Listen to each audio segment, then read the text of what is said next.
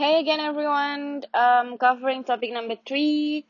Um, ada pertanyaan yang quite interesting to me, nanyain tentang gimana sih caranya kerja sama sama orang lain. Um, if it's probably influencer atau mungkin supplier kita, gimana caranya supaya neken production cost biar bisa turun.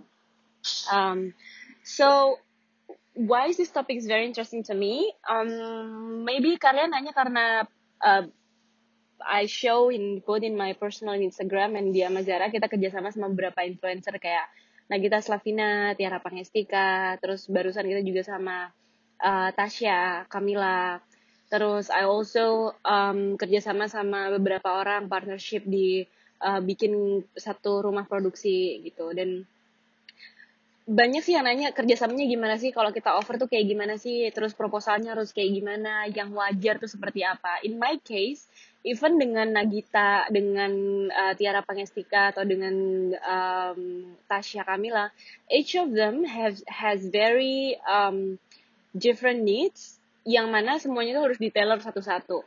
So for example ya um, brandnya Nuku brand Nuku Nuku itu punya Kak Tiara Pangestika that's not mine um, and then we do the business together. But it's very different karena dengan brandnya uh, Gigi by Nagita dan Nagita punya Nagita yang malah lebih prefer untuk eventually brandnya milik berdua aja gitu. So each of them has very um, different needs dan menurut aku itu yang sesuatu yang kita harus bener-bener dengerin, bener-bener uh, diresapin, jadi kita bisa deliver apa yang kita bisa buat mereka. A lot of people starting um, apa ya kerjasama itu dimulai dengan apa sih yang kita bisa dapat gitu. I didn't start from there. I just know that um, bisa bekerja sama dengan Kak Nagita atau Kak Tipang atau Kak Tasya itu sesuatu yang something that is enjoyable already and I like it and I'm sure it brings leverage both to me and my business but that's not that doesn't mean kalau aku datang ke mereka hey A B E gitu I listen first what they want and I'm trying to give the best that I can to them. Jadi banyak yang kayak mikir-mikir um, ini ya enggak ya ini enggak. Nah kalau rugi gimana? Well like the fact that they wanna do something with us is something that I'm grateful already.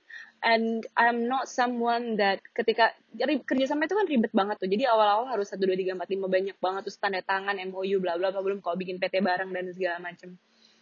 So dengan sebanyak itu keribetan, we don't want it to be to happen or to last for like three months. We want it to last for as long as possible.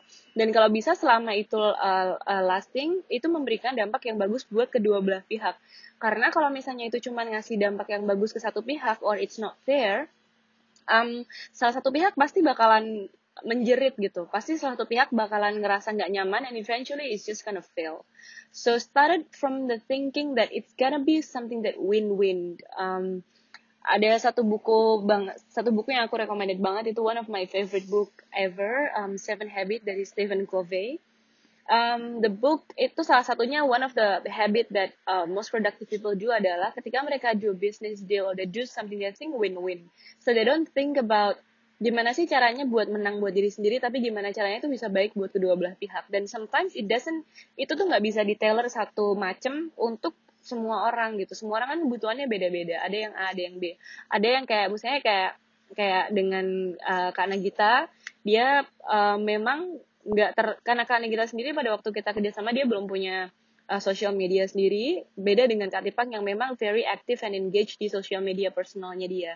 So um, it's so different uh, apa yang kita kasih uh, treatment service apa yang kita bisa bantu buat each of them tuh beda banget.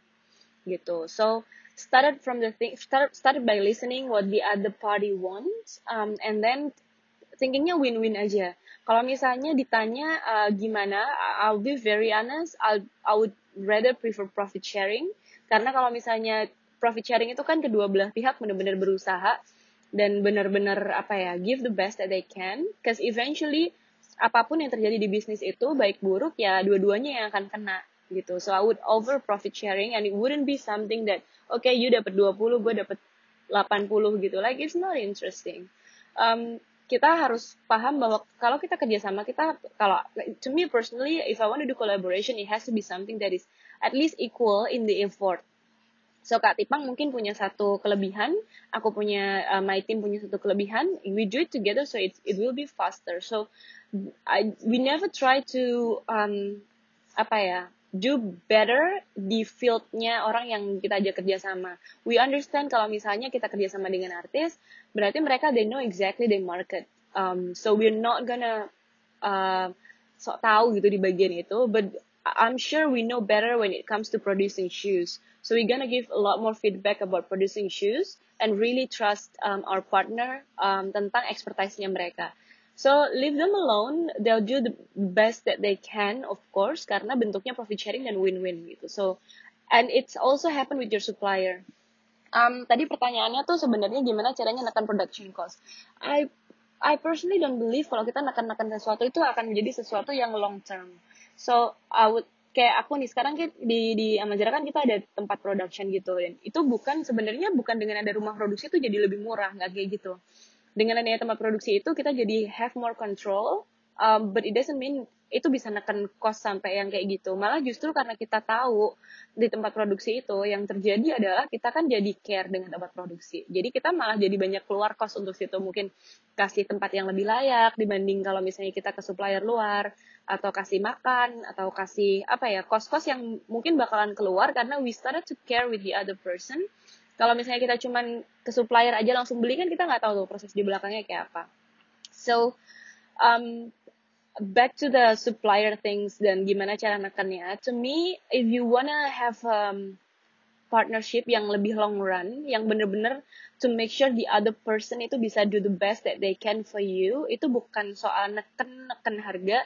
Jangan ditekan malah. Just make sure malah justru mereka tuh dibikin happy kalau mereka bisa kerjasama dengan kita dalam waktu yang lama um, kalau misalnya memang sudah tidak nyaman, I would definitely cut them right away. Pernah juga waktu itu ada satu uh, supplier yang sebenarnya udah mulai sama kita dari awal banget, bantu kita dari awal. Cuman uh, dia tuh kasih model-model kita ke beberapa brand lain. That's something I would totally not appreciate. So that's the thing that happened with us sekarang. Karena kita sekarang punya tempat produksi, kita juga nggak kasih model-model yang kamu udah bikin misalnya uh, yang brand A udah bikin untuk dikasih ke brand B it's, it's it's not fair it's not fun. Jadi um, apa ya so it's not about the price it's not about making it lower it's about long term thing gimana caranya kita bisa make our partner happy dan ngasih the best that we can. So bukan ngasih sekecil mungkin tapi apa yang kita bisa kasih sebanyak mungkin dimaksimalin sehingga partner kita happy dan secara otomatis dia juga akan bekerja dengan lebih baik dan membawa profit yang lebih baik buat kita berdua. Karena kan um, dibagi dua kan ininya uh, profit. Doesn't matter if it's 30 70 or 50 50 or berapa. Yang penting it has to be fair. It has to be something yang tidak ada pihak yang merasa dirugikan dan ditekan gitu. Justru itu that's the point. Um I think yeah that's all about it. Um mungkin kalau you guys wanna learn more, read that book by Stephen uh, Covey yang judulnya uh, Seven Habits. Di part, I think itu habit number three or four, uh, think win-win. It's really really useful, especially kalau kamu mau kerja sama sama uh, or make long-term partnership with someone. Okay, and don't forget to always sign. Um, hitam di atas putih itu penting banget, meskipun itu just a sign, it's just a signature, nggak usah ada kayak PT-PTan segala macam, but you have to sign to make sure that you respect the other person or to to show that you have apa ya commitment, that you show respect, um, dan ada sesuatu yang kamu bisa yang yang mereka bisa pegang untuk dipertanggungjawabkan. Kita di awal ngomong ABC, ini ada hitam di atas putihnya jadi mereka bisa trust us even better. And also um, the other way around. So yeah give me more questions. Um, thanks a lot for asking. Bye bye